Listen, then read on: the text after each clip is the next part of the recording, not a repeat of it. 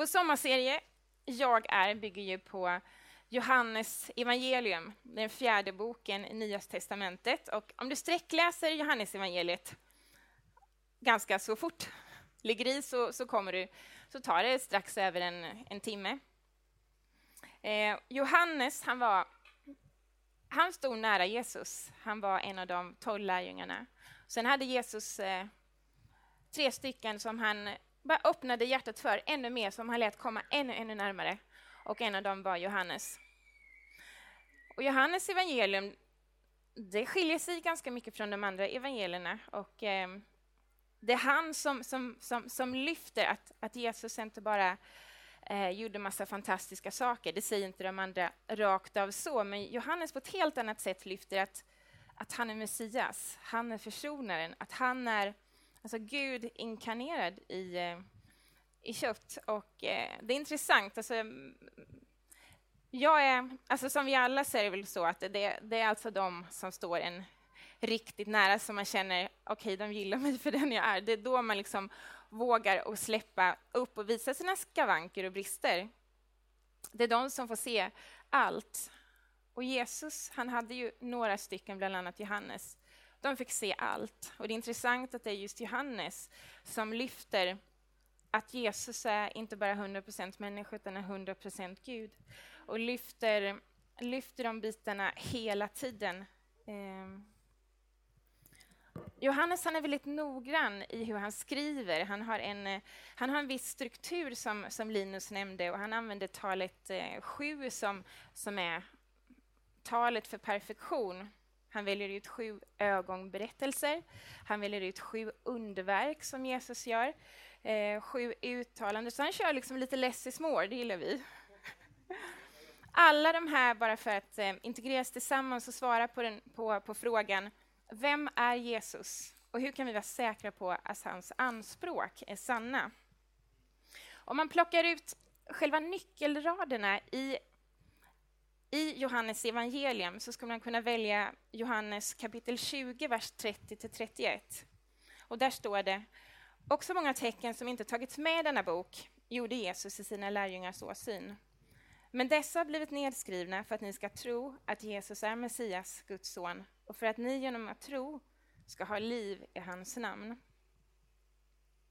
Så under vår serie så lyfter vi fram sju olika statements. Och eh, förra veckan eh, så predikade Daniel Stenmark om eh, Jag är den gode heden. Och nästa vecka så avslutar vi med Jag är vinstocken. Det ska bli intressant att höra hur eh, det som man blir lite nyfiken på de här, det är lite udda udda titlar. Så här, vad ska komma nu? Så missa inte den, för det är finalen. Eh, och den här veckan är det då eh, Jag är vägen, sanningen och livet. Det är det mest kända, det är det mest laddade och mest provokativa. Så när jag visste att jag skulle få den så tänkte jag, rackarns. Men så är det. Och det här kommer bli bra, för att det är när jag läser den här texten, och jag har läst den så många gånger, och jag kunde nästan inte sluta läsa den. Det här, för, för många, många som har eh, läst Bibeln under ett, ett, antal år så har man hört det här väldigt ofta. Men det gäller att inte vi blir klyschiga här. Det är så mycket som man har hört tidigare, men alltså har, man vill ju greppa det, man vill att det ska ha blivit alltså, att det liksom är på riktigt som man har fattat. Okej, jag, det har landat mig. Jag fattar vad han säger. Så om vi bara målar upp scenariot, för det här är ett samtal som jag kommer läsa nu, de här verserna. Det är en dialog som sker mellan Jesus och hans bästa vänner. Det är alltså sista kvällen som han har tillsammans med dem. Han vet att han ska dö. Han vet att um, de har bestämt att de ska ha en, en fin middag tillsammans. De har gjort det mysigt, så mysigt som de här killarna kan göra det tillsammans och gjort det fint och eh, alltså, maten finns där och eh, allt är i ordning. Men det är väldigt laddad stämning. Eh, hans bästa vänner de känner liksom, okej, okay, det är på gång nu. Jesus har droppat det här under en längre tid, att han ska dö, att han ska gå bort, att han ska försvinna. Det, det känns inte bra. Alltså, de, har ju, de har ju satsat på honom. De har satsat tre år när de har lämnat hus och hem och bara hängt på honom för att få vara med om det här fantastiska när Messias skulle komma och bara göra revolution och göra något stort.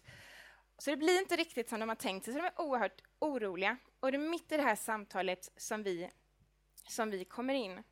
Flera av dem är säkert eh, livrädda, för de vet att de kommer vara igenkända som, som Jesu lärjungar och eh, dör han så kommer de ju också dö. Så det är en väldig osäkerhet och väldigt oro eh, när vi hoppar in i det här samtalet, ett väldigt annorlunda goodbye party. Eh, det här sker på natten Eh, och det är Johannes då som återberättar det. Och vi läser från Johannes 14 kapitel, vers 5 till 14. Så det är tio verser som vi tittar speciellt på. Och vägen dit jag går, den känner ni. Då dyker Thomas upp och så säger han, men herre, vi vet inte var det ska gå. Hur, ehm, hur kan vi då känna vägen? Jesus svarade, jag är vägen, jag är sanningen och jag är livet. Ingen kommer till Fadern utan genom mig. Om ni har lärt känna mig så ska ni också lära känna min far. Ni känner honom redan nu. Ni har ju sett honom. Då kommer Filippus med nästa fråga, så de är lite osäkra, de har inte riktigt greppat situationen. Herre, visas Fadern, det är nog för oss. Och Jesus bara, lugnt och sansat, sista kvällen, de har fortfarande inte fattat det här under tre års tid. Jesus svarar, så länge har jag varit tillsammans med er. Och ändå känner du mig inte, Filippos. De som har sett mig har ju sett Fadern. Hur kan du då säga visa oss Fadern? Försöker nog att inte vara så frustrerad, men man hör ändå liksom att okej, okay, dags att landa i det här, jag försvinner snart. Tror du inte att jag är i Fadern och Fadern är mig? De ord som jag säger till er, de talar inte jag med själv. Fadern är i mig och utför sina gärningar. Så tro mig när jag säger att jag är i Fadern och Fadern är i mig. Eller tro åtminstone för gärningarnas skull. I tre års tid hade de varit med honom. De hade sett Lazarus alltså, komma ut med, med bindlar i, ur, en, eh, ur en grav där han legat i flera dagar. De hade sett det. Johannes var där, han, han hade sett det. De hade sett, de hade varit på båten när de trodde skulle dö och Jesus bara stilla stormen med att höja sin röst. De hade varit med under tre års tid, så han bara okej, okay, men tro åtminstone för gärningarnas skull, för det ni har sett. Sannerligen, jag säger er, den som tror på mig ska utföra gärningar som jag, ännu större. För jag går till Fadern, och vad än som ni ber om i mitt namn, så ska jag göra det, så att Fadern ska bli förhärligad genom Sonen. Om du ber om något i mitt namn, så ska jag göra det. Det är sån otrolig pondus, att jag älskar det här samtalet. En väldigt laddad kväll. Men lärjungarna har fortfarande inte fattat riktigt vem Jesus är. Att han är Gud. Kommer ni ihåg den här sången? Jag börjar, börjar bli gammal nu, så det var inte den här What if God was one of us? Det är precis vad som hände. Och ändå ha hade de svårt att fatta det som levde där. Okej, okay, Gud kom ner till världen som en av oss för att vara så närvarande, för att vara så fysisk, påtaglig som möjligt. Och ändå var det så många som, som missade hela grejen. Så under den här dialogen så är det flera som ställer frågor, alltså det är osäkerhet, och Jesus han svarar på dem. Och det som är så snyggt är, han svarar inte på det, bara på deras frågor, alltså han svarar, han svarar ännu större egentligen, alltså, de frågor som de har, det var i deras, det var i deras lilla värld där de befann sig just då, den kvällen. Vad händer med oss nu? Men det han svarar egentligen, han ger svar till hela mänsklighetens behov. Han svarar inte bara på deras behov, utan på hela mänsklighetens behov. Det lät ju lite stort, det var väldigt pretentiöst, hörde jag, men faktum är att eh, det är så stort som det är och det är så viktigt som den här texten är.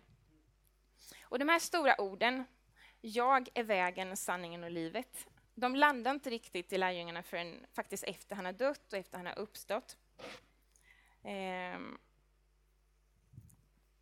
Och syftet som jag ser, alltså varför, alltså varför säger Jesus de här orden? De är rädda, de är oroliga. De tror förmodligen att de ska dö och de tänker nu är det kört. Han drar och vi är kvar. Vad händer nu? Det är en sån skön fråga att veta. Vad, vad händer med mig nu? Det hade jag nog också sagt. Så alltså varför han säger de här orden som han gör, det är för att uppmuntra, det är för att lyfta. Okej, okay, jag måste bara tala in lite hopp i de här nu. Killarna är skraja på vad som ska hända. Och han uppmuntrar dem, han lyfter dem och det är otroligt fantastiska ord han säger. Han säger, jag går till Fadern.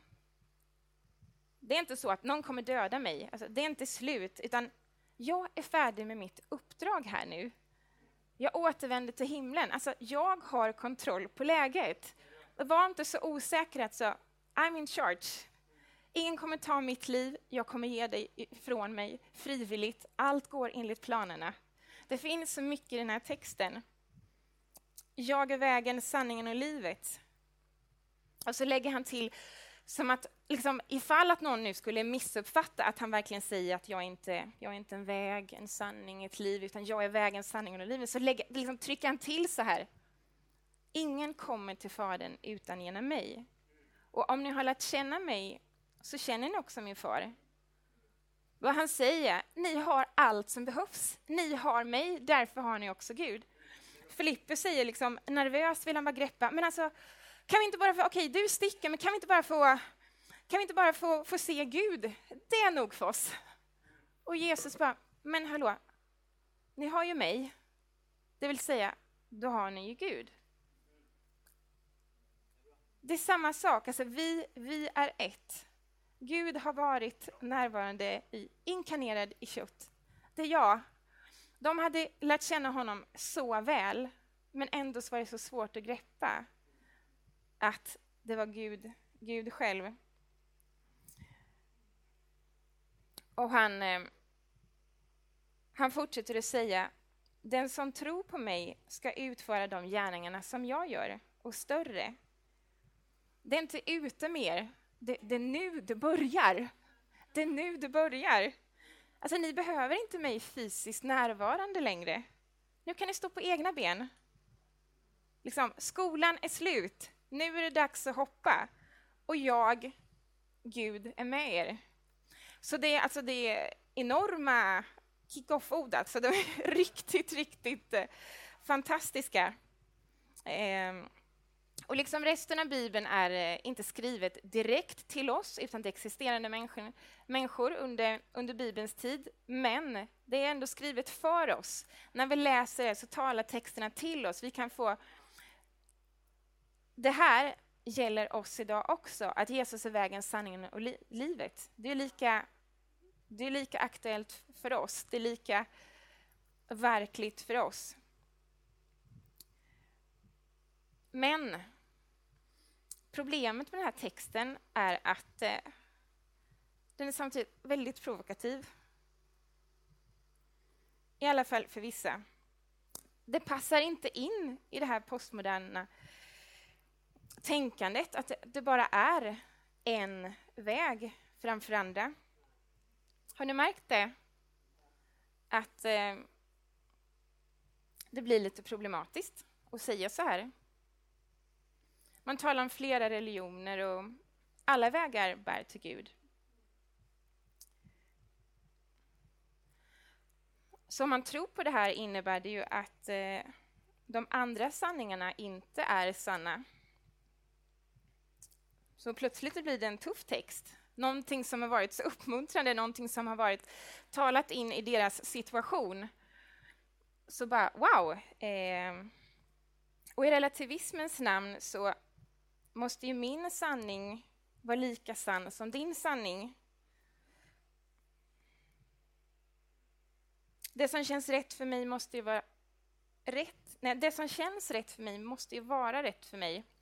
Och jag vet att eh, eh, Protagoras, jag tänker alltid på Protagoras sats, men han var en av Greklands första humanister. Han hade ett samtal med Sokrates och då sa han så här, det har blivit väldigt känt. Han sa det som är sant för dig är sant för dig. Och det som är sant för mig det är sant för mig. Det låter lite snyggt. Men plötsligt, de, alltså, vad är det han säger? Det som är sant för dig är sant för dig. Men det som är sant för mig, det är sant för mig. Och om man gräver lite djupare i vad många egentligen baserar sitt liv på så är det faktiskt inte så främmande från det som Protagoras sa för väldigt, väldigt många år sedan. Vanliga kommentarer när man, när man eh, säger att nej men jag, jag tror att Jesus är vägen, sanningen och livet. Att det låter förmätet, att det låter lite väl inskränkt. Med ett sådant resonemang så måste ändå Jesus ha varit en ganska inskränkt person.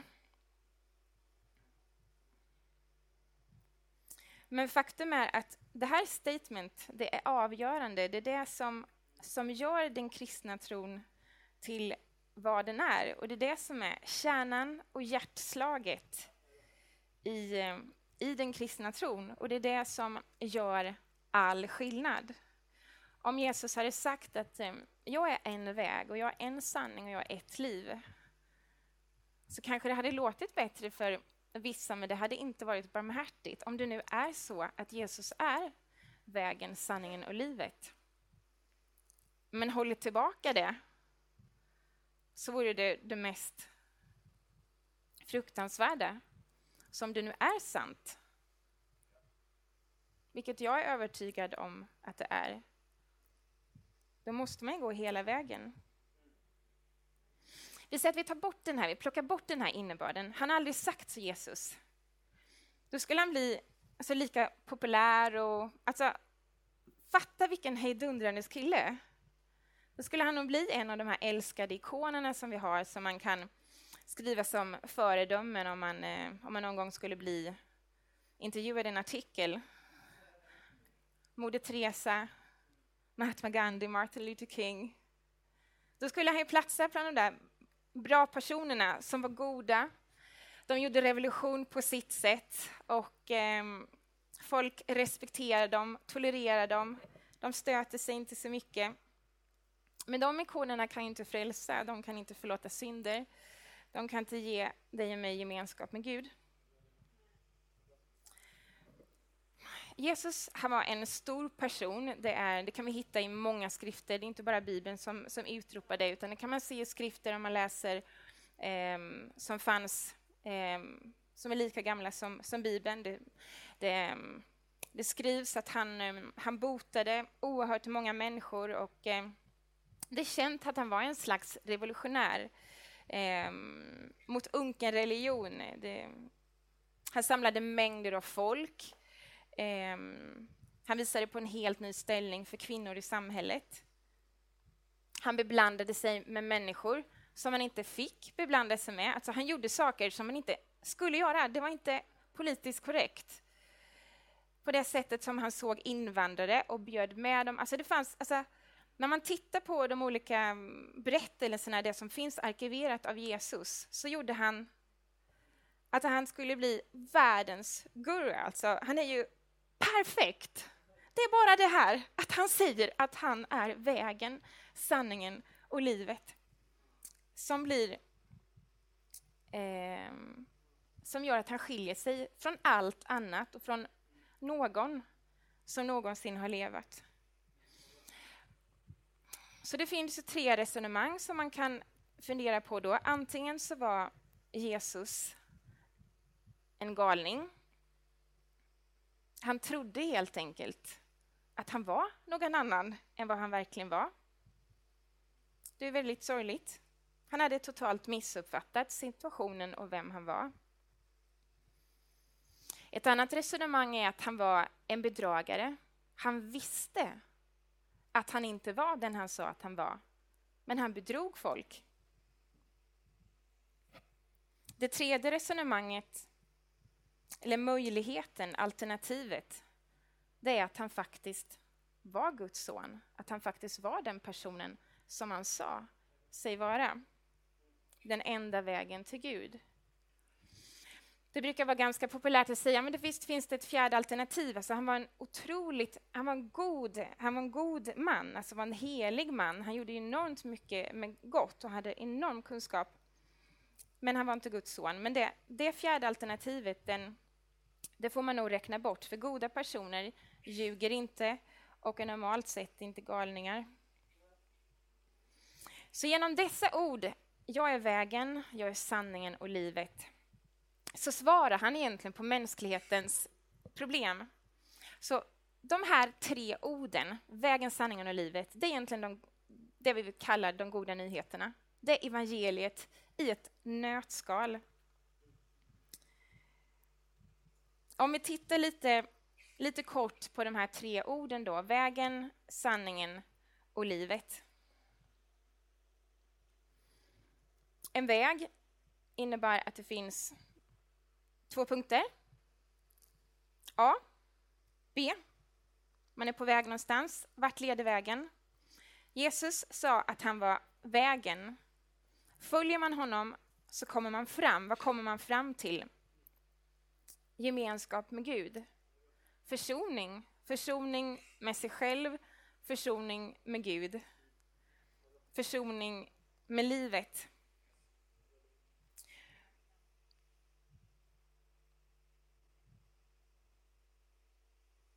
Det finns väl, alltså, det är klart att det blir en rädsla, för om det är så här att det finns en väg som, det, som är den rätta, då finns det väldigt många som är fel. Och just när vi pratar om det här så finns det, det finns egentligen inte någon möjlighet för mig, även om jag skulle ha en hel vecka här på ett varmt ledemans och vi verkligen skulle gotta in oss i den här texten så skulle jag ändå inte på ett intellektuellt sätt förmå att förklara detta så att vi skulle kunna greppa det. Jag vet eh, min brorsa Linus, han... Eh, jag vet inte riktigt var han står, men han har aldrig sagt att han, är, att han tror på Gud och på Jesus på det sättet som, som jag gör. Men han fick tinnitus för ett par år sedan, vilket gjorde att han blev riktigt desperat, för det påverkar honom så. Så att han, började, han blev så desperat att han började läsa Bibeln. Han frågade var han skulle börja läsa, så att han började läsa Matteus. Och när han hade läst Matteus så sa han, alltså Linda, det är helt sjukt att de såg allt det och ändå inte trodde. Jag Sa, vad sa du? På något sätt så kan man, alltså på ett intellektuellt sätt så kan man inte bli övertygad, utan det kräver att man tror för att man ska se det. Så jag har inte möjlighet att säga allt som behövs, men det finns så enormt mycket man kan läsa om i Bibeln, typ från Första Moseboken till Uppenbarelseboken. Bara gotta i det, lära känna det som står där. Men eh, Jesus säger att han är vägen och att han är enda vägen. Och eh, jag bara för att tänka till på vad det uttalandet, vad, vad ger det för konsekvenser i mitt liv? Vad ger det för konsekvenser i vår kyrka när vi, om vi tummar på det, eller om vi går hela vägen, vad får det för konsekvenser? Jag går snabbt vidare. Sanningen. När det finns något som man kan identifiera som det här är sanning, då skiljer man ju saker och då finns det någonting som är falskt. Sen millenniumskiftet så, så talar man om det postmoderna samhället, den postmoderna eh, Ehm, generationerna och eh, de unga i, i det postmoderna samhället, MeWe-generationen, de som är födda på mitten av 80-talet. Jag ska läsa lite kort eh, vad som står om, vad som beskriver den här generationen. Så du som är född i mitten av 80-talet, känn dig träffad. Den generation, de är födda till individualister. Men samtidigt som de fokuserar på sig själva är det en generation som värderar sitt nätverk, vännerna och familjen oerhört högt. Individualismen handlar mer om tilltron till det egna jaget, att vara fri att göra sina egna val och lita på sitt omdöme. Miois största livsmål är att maximera sina personliga möjligheter. Med många möjligheter i livet kan man känna sig fri. Och genom det möjlighetssökande livet med många valmöjligheter och friheten att, friheten att göra det man vill och önskar så får man ett gott liv. Tänkte du på något ord som kom tillbaka hela tiden? Ja, frihet. Det var ett återkommande ord om människan. Alltså vi, är, vi är frihetstörstande varelser. Det märker jag. Jag har en väldigt frihetstörstande man som vill bara...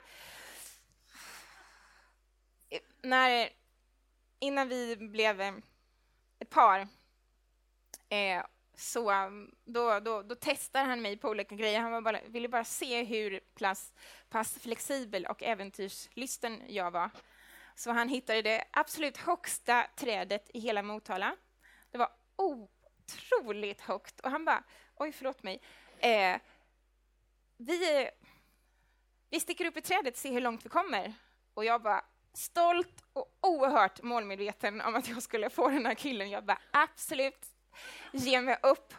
Och det var så otroligt högt alltså. Men eh, Daniel, han är så, han är så äventyrslysten och han eh, och jag, fast på helt, helt andra sätt, men vi gjorde lite paragliding nu när vi var i Cypern, eh, efter en båt, inte att vi hoppade fritt så. Eh, men det var ändå på 50 meters höjd, men jag kände liksom det här repet kändes ändå bra att det fanns där. Och det var riktigt kul, men man får den här frihetskänslan när man gör någonting sånt. Bara, oh, wow, här är jag och bara ser över allt. Bara, man kunde till och med se alltså, skepnader av fiskar och så. Otroligt eh, god känsla. Och den här frihetskänslan är väldigt skön. Jag vet att Andreas har flyttat nu till en eh, 44 kvadratare, ett eget eh, ställe nu på Brommaplan. Nu hade inte du 12 kvadrat, men jag menar, tänk dig 12 kvadrat och sen kommer du till en egen lägenhet liksom på 44 kvadrat. Det är frihetskänsla. Eller att du varit så tajt i ekonomin och så är du där, att du är ekonomiskt oberoende. Det måste ändå vara ganska skönt. Vi kanske aldrig kommer dit, men det måste ju vara någon slags frihetskänsla. I alla fall första veckan när det fortfarande är nytt. Eller att man kanske befinner sig i en situation där man faktiskt upplever att man blir så kvävd att när man kommer ut det här att man upplever någon slags frihetskänsla. Det som är knepigt med det här är ju att eh, jag kan inte, genom att göra saker som ger mig frihetskänsla, så kan inte jag sätta mig fri. Jag kan smaka på det lite tillfälligt så här, men jag blir inte en friare människa i min personlighet eller i mitt inre för att jag gör paragliding. Jag blir lite mer våghalsig och lite modigare för ett par sekunder. Men alltså riktig frihet, när vi talar om att man, man blir fri, alltså jag vet inte hur jag ska beskriva det mer, men alltså, jag attraheras av människor som är bara alltså fria. Det är inte så här, alltså för jag, jag har fått kämpa så mycket med det själv, så därför blir jag, jag attraheras väldigt mycket av människor som bara kommit loss, eller på något vis eh, det behöver inte vara något fysiskt, något ytligt, utan bara man märker på en människa att den här människan är fri. Och den friheten kommer inifrån. Jag kan inte göra någonting för att, alltså av, för att få det själv, utan det kommer inifrån. Och min inre person, person behöver bli fri, och Jesus säger att han är den enda som kan göra oss fria. Det står i Bibeln om och om igen som, är, som en röd tråd. Det är sanningen som gör dig fri. Och Jesus, om Jesus är sanningen så gör han oss fri. Det står på ett annat ställe, den Jesus gör fri, han är verkligen fri. Jag har ett, eh, mitt allra första minne eh, av eh, Ja, det handlar om en Barbiekjol, men jag måste berätta det. Pärlan berättade om sin plint här för ett par veckor sedan. Och nu ska jag berätta om den här Barbiekjolen. Jag var med i en barngrupp och så skulle vi till ett annat ställe. Jag ska hålla mig kort. Nej, men det, det, jag var kanske fyra år, ungefär som, som Bianca. Och jag hittade sån fin liten Barbiekjol som skulle vara så fin på min Barbie hemma. Jag kommer exakt ihåg hur den var. Det var så blommor där fram och så var det rosa partier på andra sidan och den var lång och superfin.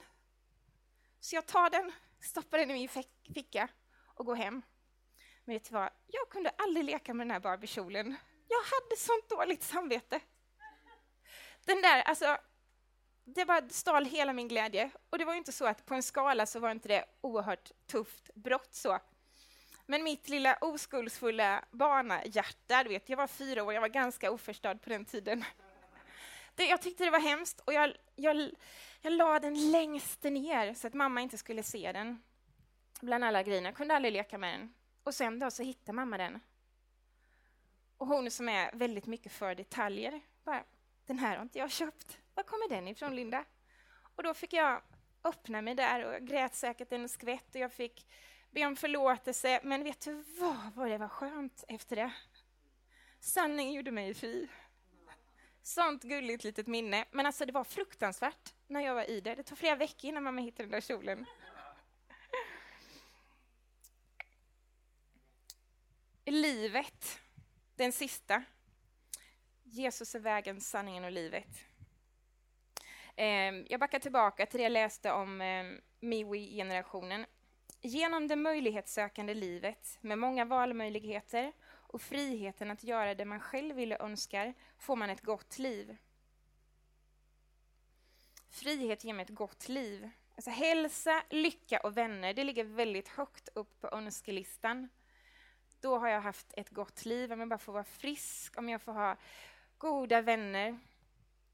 Om jag får vara, alltså då, då är jag lycklig. Det är viktigt att jag får vara lycklig. Men Jesus lyfter livet till en, till en ny dimension, till något ännu mer. Och om det nu är så att Gud är skaparen av universum och skaparen av oss människor, om vi nu är hans avbilder, om vi nu är skapta till att ha en gemenskap, till att ha kontakt med han som har skapat oss, då låter det ju inte så ologiskt att det är någonting som fattas när den här kontakten inte fungerar. Men Jesus lägger även till något mer, för han, han talar och syftar även på det eviga livet. Alltså den som tror på mig får evigt liv. Det bara... Det bara... Det låter ju fantastiskt. Kan det vara så enkelt? Romarbrevet 6 och 23. Syndens lön är döden, men Guds gåva, det är evigt liv i Kristus Jesus, vår Herre. Guds gåva är evigt liv. Vet du, vi är odödliga. Alltså det är ju, jag har ju... Jag är övertygad, och min tro säger... Alltså jag tror på det som står i Bibeln. Det talar om en fortsättning efter vi dör, efter vi förmultnar eller efter vi har blivit kremerade. Så talar det om en, en fortsättning på livet, eller en fort, fortsättning på, alltså antingen är det död eller liv. Och att jag kan få evigt liv, det låter ju liksom, det låter för bra för att vara sant med mitt intellekt. Men jag vill greppa det. Jag vill inte missa det. För att tala lite känslospråk, med lite, lite, ska avrunda med min egen story. Eh, första kyssen. Ni vet, man vill bara ha mer. När jag träffade Daniel så behövde jag vara oerhört beslutsam. Han hade inget som helst intresse, intresse av en relation just då. Ni skulle bara veta vad jag har kämpat. Men nu står jag här, ring på fingret, vi har tre fantastiska barn och Daniel är mig för evigt tacksam. Nej, men faktum är det att eh, Hebreerbrevet säger ju att tro är en övertygelse om det du hoppas, en visshet om det du inte ser. Det utnyttjade jag. Alltså när jag längtade och älskade honom på distans och trodde bara, va, kommer jag aldrig få se honom igen? Plötsligt sticker han till London.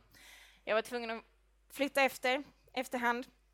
Då hade jag en övertygelse om att vi skulle, ja men det är vi. Jag hade en övertygelse om det jag hoppades på. Det ska bli vi. Jag hade en visshet om det jag inte kunde se. Alltså jag, jag bara vet, det, det ska bli vi. Vare sig han vill eller inte. Nej, men alltså, då, då, fick jag verkligen jobba, alltså agera, tro. Eh, och vårt, med vårt intellektuellt intellekt så kan inte vi greppa detta.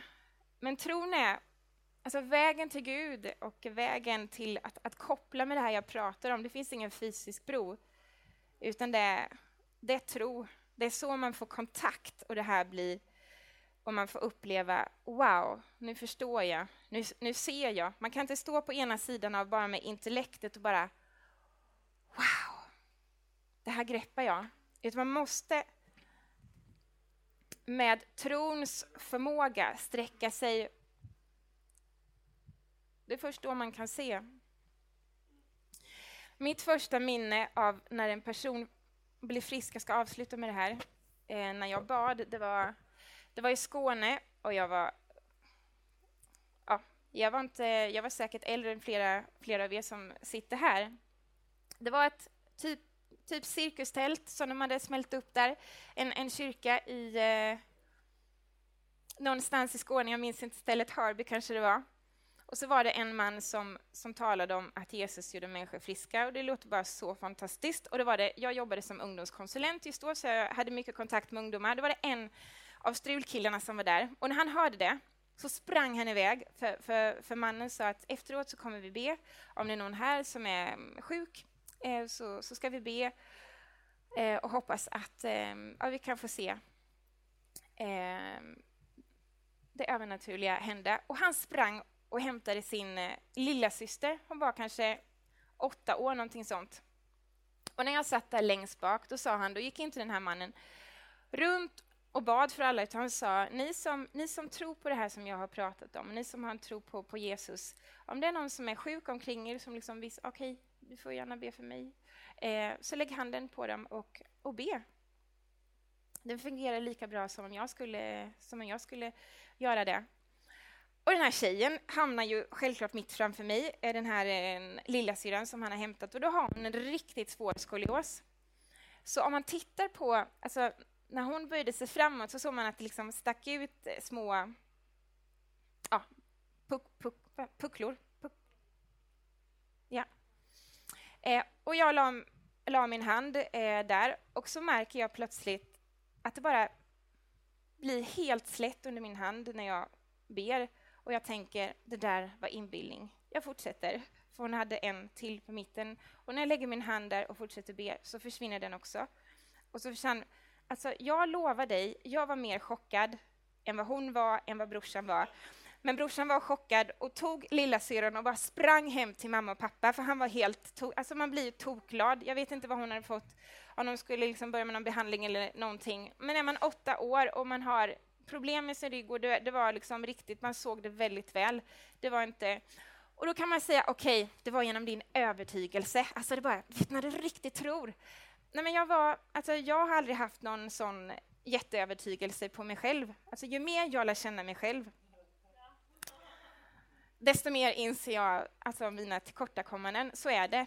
Så jag kommer aldrig få ihop det själv. Det har jag, jag har fattat det nu, en bit över 25. Men alltså, det hände någonting. Det hände någonting med Linda när hon stod där i det där cirkustältet. Och, och jag inser att någonting stort hände och jag fick bli använd. Jesus sa, till lärjungarna, alltså ni ska få vara med och göra samma saker som jag och ännu större. Vad då ännu större? Jo, förmodligen alltså över hela, över hela världen. Alltså någonting händer med ens tro och det här att Jesus är vägen, sanningen och livet. Det händer någonting med wow, när jag märker, okej, okay, Gud talar. Det, det händer någonting med en, det händer någonting med ens tro den första gången man hör att Gud bara, det där var inbildning. Men jag kanske ändå ska gå på det. Kanske ändå du ska ringa den här personen. Jag hade ett sånt...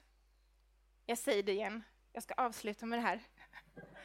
Men jag hade ett sånt moment. Då bodde jag i eh, Rinkeby. Det var några år senare. Och varje dag så... så började jag dagen med att säga Gud, använd mig. Eh, är något speciellt vill jag ska göra? Då vill, jag vill hänga på. Jag var så där naiv och ung och hungrig, vilket jag tror Gud älskar. Äntligen någon som liksom vågar ta lite risker och inte så där. Utan, så jag var så här, ung och dum förmodligen, men jag, jag var på. Och jag fick den här märkliga känslan av att bara, ah, jag ska åka ner till Rinkeby torg klockan fyra prick. Och jag ska verkligen vara där fyra. Eh, och så, jag var i Tensta just då och så såg jag till och jag bara fick den här känslan av att något spännande skulle hända. Eh, och då är det trist om det inte händer någonting klockan fyra, men, men jag tänkte att ja, det är en väldigt udda grej, så jag, jag måste göra det. Eh, och nu säger inte jag att ni ska göra så varje gång ni tänker på, liksom, på ett klockslag, men det var, det var så lite kul grej som jag har kommit, eh, kommit ihåg, för då såg jag till att jag var där.